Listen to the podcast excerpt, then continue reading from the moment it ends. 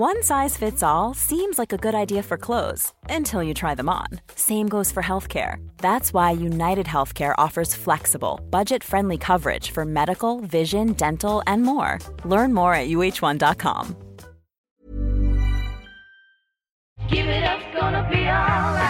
Velkommen til podkasten Helt konge. Mitt navn det er Øystein Pettersen, og jeg, jeg er en enkel fyr som har levd store deler av livet mitt i og rundt toppidrettsmiljøet i Norge.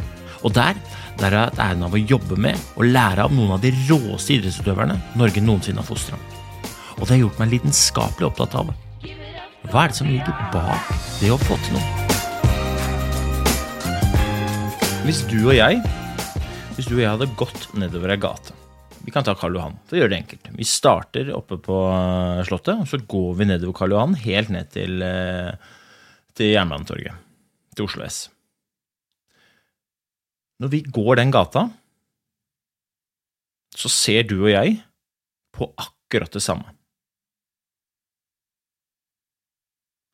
Men vi legger merke til helt ulike ting. Vi kan se på det samme, og så kan vi legge merke til helt ulike ting. Og vi vektlegger eller verdsetter også helt ulike ting.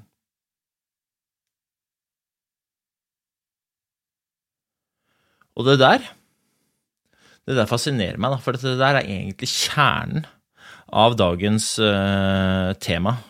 Uh, og dagens tema det er et tema som jeg får veldig mange spørsmål om. Det er et tema som jeg får veldig mange forespørsler på å jobbe med, ofte én til én. Og det er et tema som jeg har jobba utrolig mye med sjøl, og som jeg er ærlig på at jeg som, som idrettsutøver sleit litt med. da. I hvert fall i perioder av karrieren. Og det jeg prater om, det er liksom prestasjonsangst, det er eh, følelsen av prestasjonspress, eh, følelsen av å ikke få ut eh, mitt beste, følelsen av å liksom Jeg jobber mer mot meg sjøl enn med meg sjøl. Um, ehm, og så tenker du, ja, men hva i all verden har det temaet med den derre turen nedover Karl Johan å gjøre? Og jeg mener at det, det har utrolig mye med den derre turen å gjøre. Hvorfor? Jo, fordi at eh, du og jeg, vi har en skanner. Selvfølgelig så bruker vi øya, men vi bruker alle sansene, og de sansene de bruker vi til å skanne. Og vi skanner omgivelsene våre hele tiden. Absolutt hele tiden skanner vi omgivelsene våre. Og det vi ser etter, det er det du har trent deg opp til å se etter. Og det der er et viktig premiss. Du ser etter de tingene som du har trent deg til å se etter.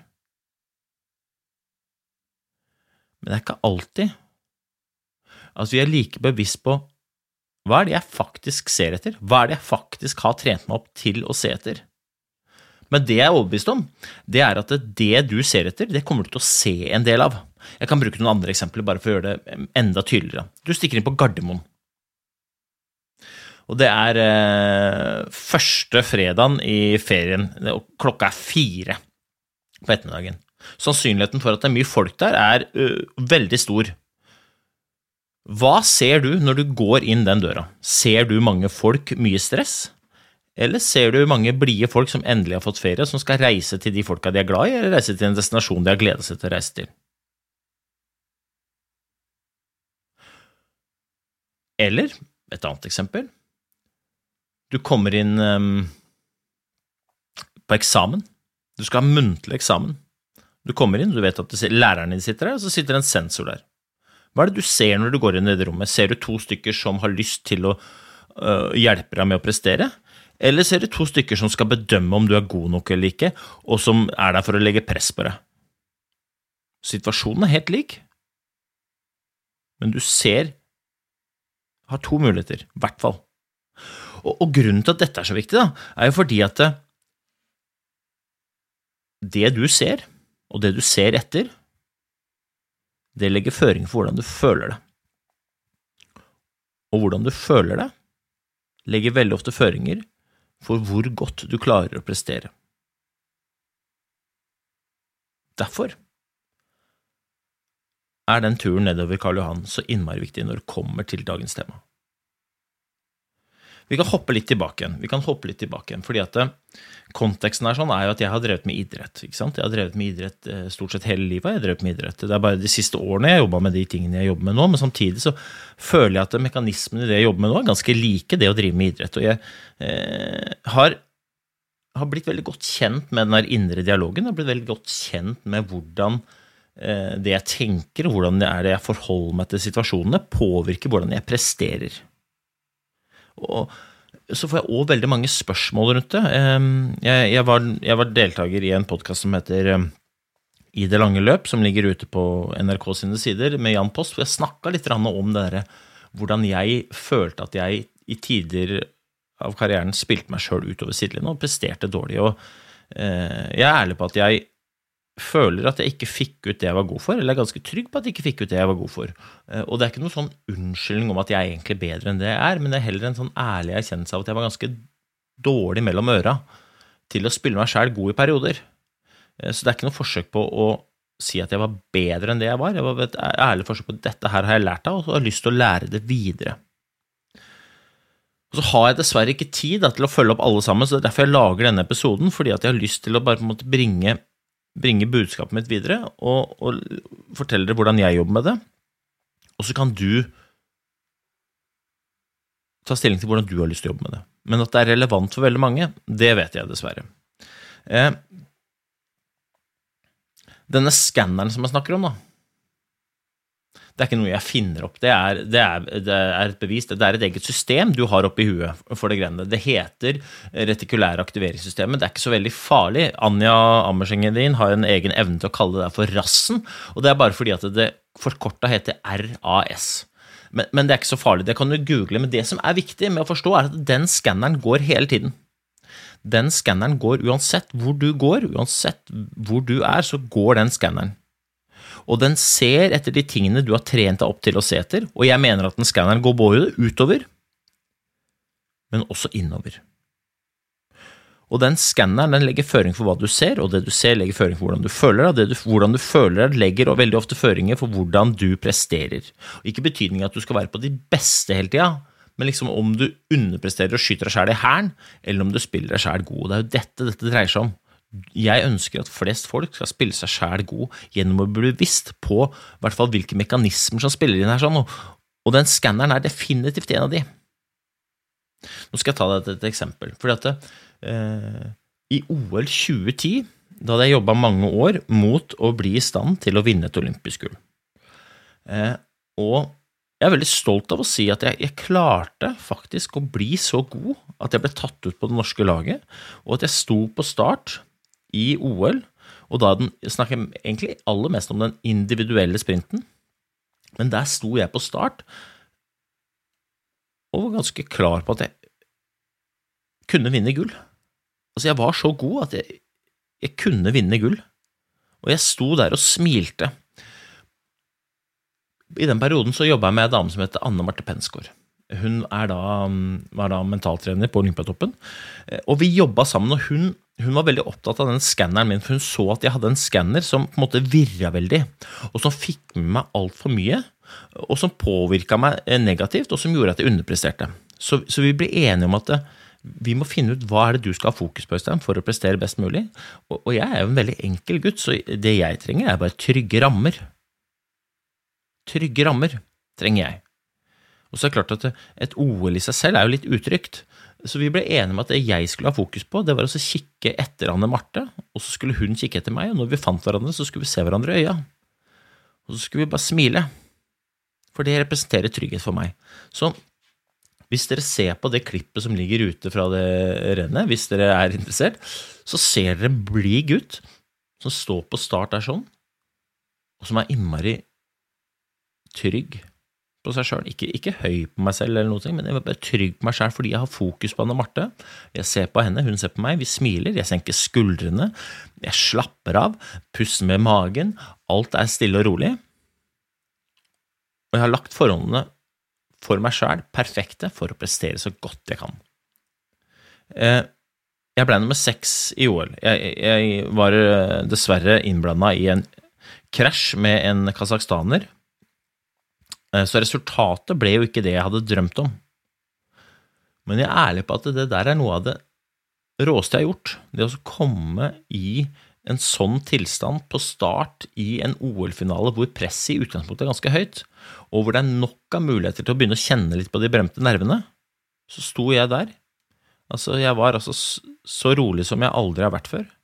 Jeg tenkte nå bare klasker vi til. Dette er bare moro. Og det var bare fordi jeg klarte å styre den skanneren, klarte å styre fokuset mitt. Året seinere så var det VM i Oslo. VM på hjemmebane. Jeg er jo en Oslo-gutt, og jeg hadde fryktelig lyst til å revansjere, hvis det går an å revansjere, et, eh, et nederlag eller et fall i en OL-finale i en VM. Så jeg hadde veldig lyst liksom å bevise for meg sjøl og for de rundt meg at fader, jeg er jo verdens beste. Hele det året så slurva jeg litt i treningsarbeidet. Fra 2010 til 2011 så slurva jeg litt i treningsarbeidet. I tillegg så var jeg med på veldig mye utenomsportslig som gjorde at det egentlig var litt forskjell på det målet mitt krevde at jeg gjorde, og det jeg faktisk holdt på med. Så i utgangspunktet så visste jeg at jeg var ute på tynn is. I tillegg så jobba vi da som lag veldig mye rundt hvordan vi skulle ikke ha fokus på at det kom til å være mye press på VM på hjemmebane. Vi, vi hadde veldig fokus på at vi ikke skulle ha fokus på at det var mye press. At det kom til å være mye folk. At uh, det kom til å være masse uh, forventninger i lufta. Og at uh, alle sammen håpa på norsk gull. Vi jobba veldig mye med å ikke ha fokus på dette. Når jeg stilte meg på start i prologen i Oslo-VM, så gikk skanneren min. Og hva var det den skanneren så etter? Jo, den så etter press. Den så etter de folka som var der for å legge press på meg. Den så etter mulighetene til å drite meg ut. Den så etter eh, alle årsakene til at jeg ikke kom til å få det til. Og hva førte det til? Jo, at mine skuldre heiste seg. Følte at jeg pusta fortere, følte at jeg eh, begynte å svette følte at jeg stivna i kroppen, og selvfølgelig at jeg følte meg dårlig. Og når jeg følte meg dårlig på start, og begynte å gå, og skanneren gikk og leita etter årsaker til at dette skulle gå dårlig, både eksternt, men også internt, så presterte jeg selvfølgelig veldig dårlig, og så ble jeg nummer 42 i DVM. Og det er i, i toppidretten så er det fryktelig dårlig. Og det var altså så Det var altså så vondt, da men samtidig så er jeg så innmari glad for at jeg fikk den opplevelsen. Det her høres kanskje teit ut å si, men dæven hvor mye jeg lærte av det der. Når jeg ser tilbake på det i retrospekt, så er det jo veldig enkelt, men dæven hvor lett jeg ble flippa ut av mitt eget fokus. Flippa ut av mitt egen skanner. Og det den skanneren så etter, var de tingene jeg gjennom året hadde trent den opp til å se etter. Det ene var liksom de ytre tingene. Publikum, presset, forventningene som lå i lufta, liksom. Det derre der trøkket som var der. Men det andre var jo at jeg visste jo at jeg innerst inne hadde slurva litt på treningsarbeidet òg, så jeg, jeg leita internt også. Finn årsaker til at dette kommer til å gå til helvete. Og jeg fant mye av det. For det jeg har lært, er at det du ser etter, det kommer du til å se en del av. Tilbake til den turen da, nedover Karl Johan. Det du ser etter når du går nedover der, kommer du til å se mye av. Og det du ikke ser etter, det kommer til å gå forbi deg som bare det. Så hvis du har en veldig interesse av en type sko, så kommer du til å se den type skoen når du går nedover Karl Johan. Mens jeg som kanskje er mer interessert i folk som drikker kaffe, kommer til å se hvor mange folk som går med en kaffekopp i hånda. Og så kommer vi ned, og så kan jeg stille deg hvor mange folk med kaffekopp så du? Og så svarer du ingen. Men hvor mange hukkasko så du? Og så svarer jeg ingen. Vi så på det samme, men vi la merke til ulike ting. Når du skal inn i en situasjon, når du skal inn i noe å prestere, når du skal inn og gjøre greia di, når du møter dagen din, Hva er det du ser etter?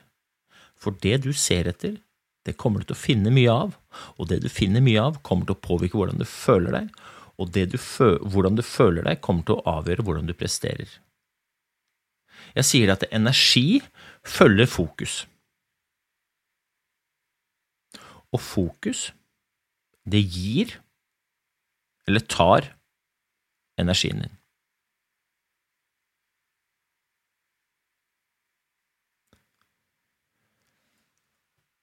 Og dette er kjent på kroppen. Altså. Og jeg kjenner, jeg kjenner, det jo fortsatt. ikke sant? Når jeg, når jeg skal ut, nå, nå, jobber jeg, og jeg står veldig ofte på en scene. Og det er klart at jeg er litt sånn usikker når jeg går på den scenen. Altså, jeg treffer så mange ulike typer mennesker, jeg treffer så mange ulike typer rom, jeg treffer så mange ulike typer settinger. Det er klart jeg er usikker på hvordan dette kommer til å gå, men det jeg er blitt veldig bevisst på, er at når jeg steller meg på den scenen, så skal jeg være tydelig på hva det er jeg ser etter i salen. Skal jeg se etter de folka som er skeptiske i utgangspunktet? Eller skal jeg se etter de folka som jeg føler er på min side?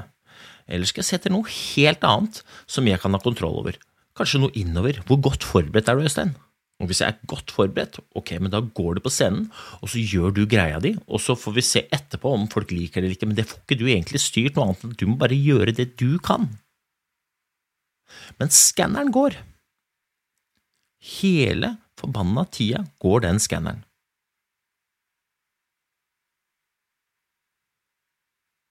Folk snakker om styggen på ryggen, for eksempel. Styggen på ryggen, ja, hva er det? Jo, det er jo, dette har vi snakka om før, det er jo tankene dine. Og tanker, de kommer, og de går, og som jeg har sagt før, du er jo ikke tankene dine. Det er jo det du gjør, men tankene dine kan legge føringer for hvordan du føler deg, som igjen kan legge føringer for hva du faktisk gjør.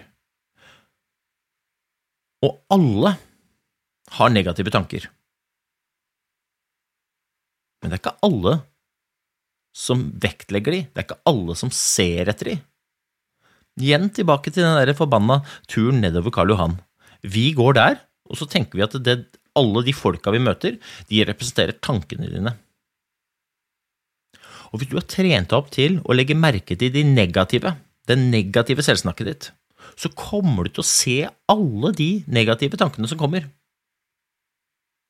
Hvis du har trent deg opp til å legge merke til de gode tankene, så kommer du til å se de, for både de gode og de dårlige tankene er der hele tiden. Men hva er det du ser? Jo, du ser etter det du har faktisk bestemt deg for å se etter. Hva er det du lytter til? Det du har bestemt deg for å lytte etter den skanneren går hele tiden. Eksternt og internt. Og så er det Jeg sier jo det at som idrettsutøver så sa jeg det at jeg, jeg, jeg fikk ikke ut mitt beste. Og det er jo en sannhet med modifikasjoner, fordi at jeg var jo veldig mange ganger på mitt beste. Men det var ikke alle de gangene det var konkurranse. Jeg er en av de utøverne som var bedre på trening enn i konkurranse. Fordi jeg spilte meg sjæl litt for dårlig i konkurranse, og så var jeg veldig god til å spille meg sjæl god på trening. Og det handler om litt ulike ting, men, men en av de er definitivt trygghet. En av de definitivt trygghet. Jeg var verdensmester, jeg i å la skanneren gå og se etter sterke konkurrenter og lytte til usikkerheten internt og la styggen på ryggen kjøre meg ned i grøfta og på en måte ha negativ selvsnakk på, i konkurranser, mens jeg på, på, trening ofte var det motsatte.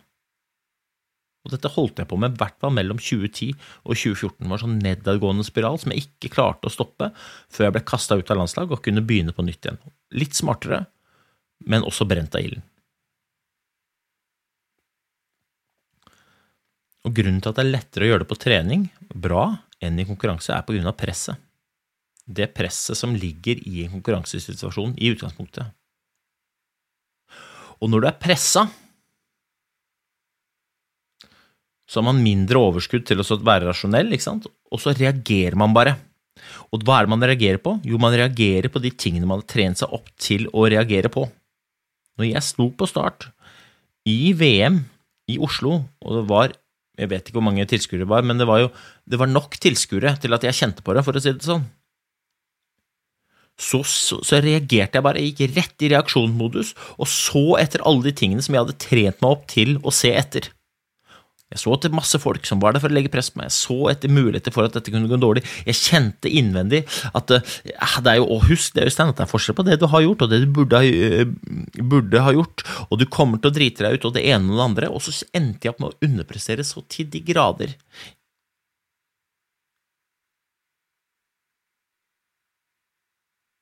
Og det er jo nitrist. Men det er veldig aktuelt. Det der, er, det der er dritaktuelt for jævlig mange. Og jeg brenner sånn for at vi kan få tak på eh, motsatsen. Motsatsen. Og jeg mener at motsatsen ligger veldig mye i bevisstheten her. Bevisstheten på hva er det jeg ser etter? Det spørsmålet er altså så utrolig viktig. Hva er det jeg ser etter? For det du ser etter, det kommer du til å se. Masse av. Uansett hvilken situasjon du er i, det kommer du til å se. Ser du muligheter, eller ser du begrensninger? Faderen, jeg lå med hjerneblødning. Og du kan si hva du vil om situasjonen min, men at jeg hadde mange begrensninger, det, det kan jeg være ganske tydelig med deg. Altså det, jeg hadde massevis av begrensninger. Men jeg hadde også noen muligheter. Og jeg så flere muligheter enn jeg så begrensninger, selv om forholdet i utgangspunktet var helt motsatt. Altså det var veldig mange flere begrensninger enn det var muligheter i utgangspunktet. Men jeg så mulighetene. Bare fordi jeg hadde trent meg opp til det, altså. Jeg er en fyr som ser mulighetene. Gjør jeg det alltid? Nei, selvfølgelig ikke. Dette er like aktuelt for meg som for deg, og like vanskelig for meg som for deg, men jeg er dritbevisst på det. Når jeg går på scenen, ser jeg muligheter til å drite meg ut, eller ser jeg muligheten til å bare herje?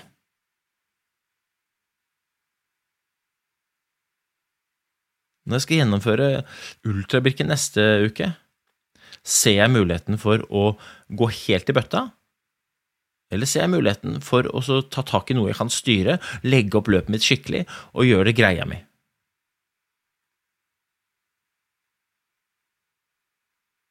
Når jeg møter nye folk, ser jeg etter ulikheter hos dem og muligheten for at vi ikke kan matche, eller ser jeg etter eventuelle likheter eller hvorfor jeg skal like det?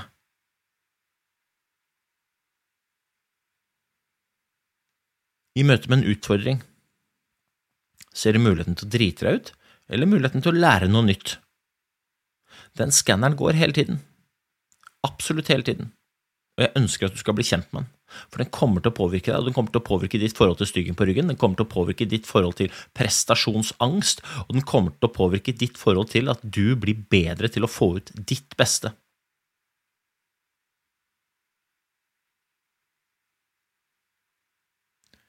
Hvordan er det jeg jobber med det, da? Altså, det er, det, er ulike måter å jobbe med dette på. En av de aller, aller beste er selvfølgelig å forberede seg godt. Jo bedre forberedt du er, desto mindre vil du føle på usikkerheten i utgangspunktet, og jo mindre vil du føle på dette presset i utgangspunktet. Så det å forberede seg godt er viktig. Og Det andre er sånn, det er jo den der målenheten da, som jeg, stresser litt om i min siste bok, eh, Helt deg, at eh, vi må være tydelige på hvilken målenhet du bruker for om du får til eller ikke. For hvis du, hvis du i utgangspunktet tenker at det, jeg skal la det være opp til alle andre å bedømme om jeg er bra nok eller ikke, så er det usikkert. For du vet ikke hva de tenker om det. Så jeg er veldig tydelig på å på måte bruke min egen eh, skala på om jeg er fornøyd eller ikke. Og hvis jeg er fornøyd, ok, ja, men da er jo jeg fornøyd. Så skal det godt hende at resultatet er dårlig, men jeg har i hvert fall gjort så godt jeg kan. Og så får jeg heller tåle da, at jeg ikke er så god som jeg ønsker at jeg var, men da er det bare å øve mer. Så de to tingene, det er to premiss. Men når jeg treffer usikkerhet, så har jeg likevel to superenkle oppgaver som jeg gir meg selv for å få tilbake kontroll, og for å begynne å sjalte ut liksom, hvordan jeg føler meg, og hva jeg ikke har lyst til å se etter, og hva jeg ser etter. Og, og, og steg én er egentlig bare å puste. Pust med magen, vær så snill. Og grunnen til at jeg sier pust med magen, er fordi at når du opplever press, når du opplever at eh, papegøyen mellom øra di drar av gårde, og når du kanskje kjenner på prestasjonsangst, prestasjonspress, eller føler at nå får jeg ikke ut mitt beste, så trenger du ro. Og en av de beste måtene for å få ro på, det er gjennom å bare ta kontroll over pusten, for det kan du alltid styre. Pust med magen. Om det er ett djupt drag, eller om det er ti, eller om du bruker 17, det er ikke så farlig. Poenget er bare at du skal ta tilbake kontrollen over noe du kan kontrollere. Og når du får tilbake den kontrollen, så skal du justere skanneren din. Hva er det jeg ser etter her sånn? Pust med magen, så du får kontroll. Det er bare stopp opp. Det kan, det kan ta et halvt sekund, altså. Hva jeg ser etter? Og så justerer du bare skanneren din. Så istedenfor å se etter hokasko, så ser du etter kaffekopper. Istedenfor å se muligheter til å drite deg ut, så ser du muligheten til å lære. Istedenfor å se folk som er der for å legge press på deg, så ser du folk som er der for å heie på deg. Istedenfor å lytte til de dårlige tankene, så begynner du å leite etter de gode. For de finnes. De er der. Men du legger ikke merke til dem, for du har fokus på noe annet. De to tingene de to stegene, pust med magen og juster hva du ser etter. Jeg bruker det hver dag. Hver eneste dag. Og jo mer du trener på det, jo bedre blir du selvfølgelig på det. Men det betyr ikke at det er lett. Men mekanismene er ganske enkle. Og hvis du driter deg ut, da, i betydningen 'nei, nå spilte jeg meg sjæl dårlig', nå underpresterte jeg, nå lot jeg papegøya styre, og nå hørte jeg bare på negative tanker. Så istedenfor å tenke at det der er et mislykka forsøk, så vær bare litt til stede der òg. Hva er det du ser etter? Hva er læringa her sånn? Legg merke til hva det er som du eventuelt gjorde dårlig, sånn at du kan gjøre det bedre neste gang. For du kommer til å møte motstand. Du, du, du kommer til å møte dritmye motstand.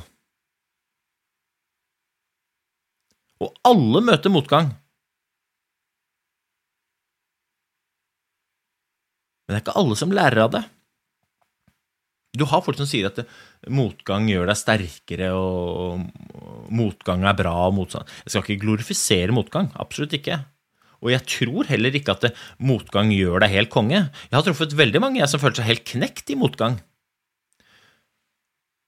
Men de som vokser i motgang, er de som evner å stoppe opp og si hva er det jeg lærer her sånn, hva er det jeg ser etter i motgangen?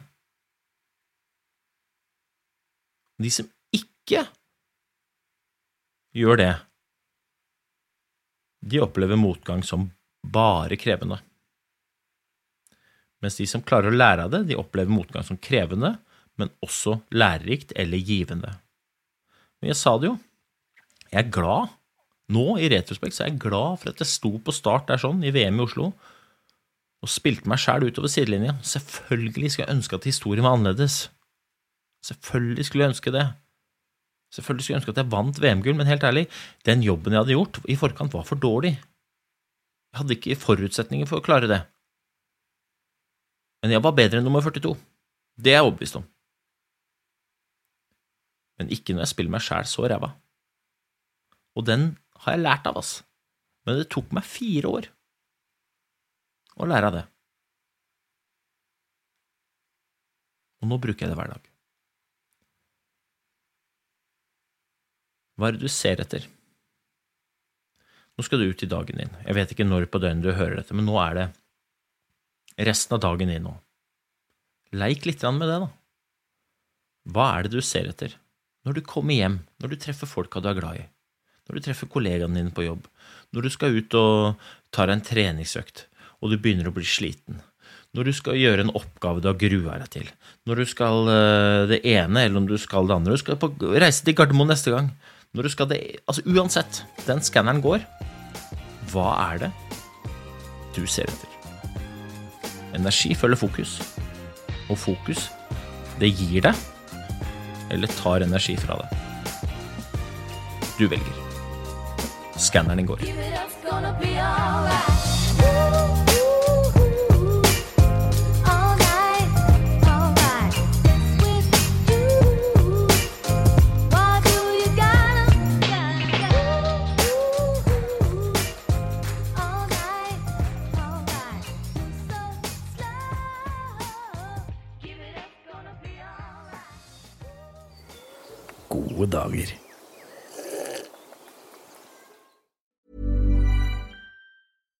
Catch yourself eating the same flavorless dinner three days in a row?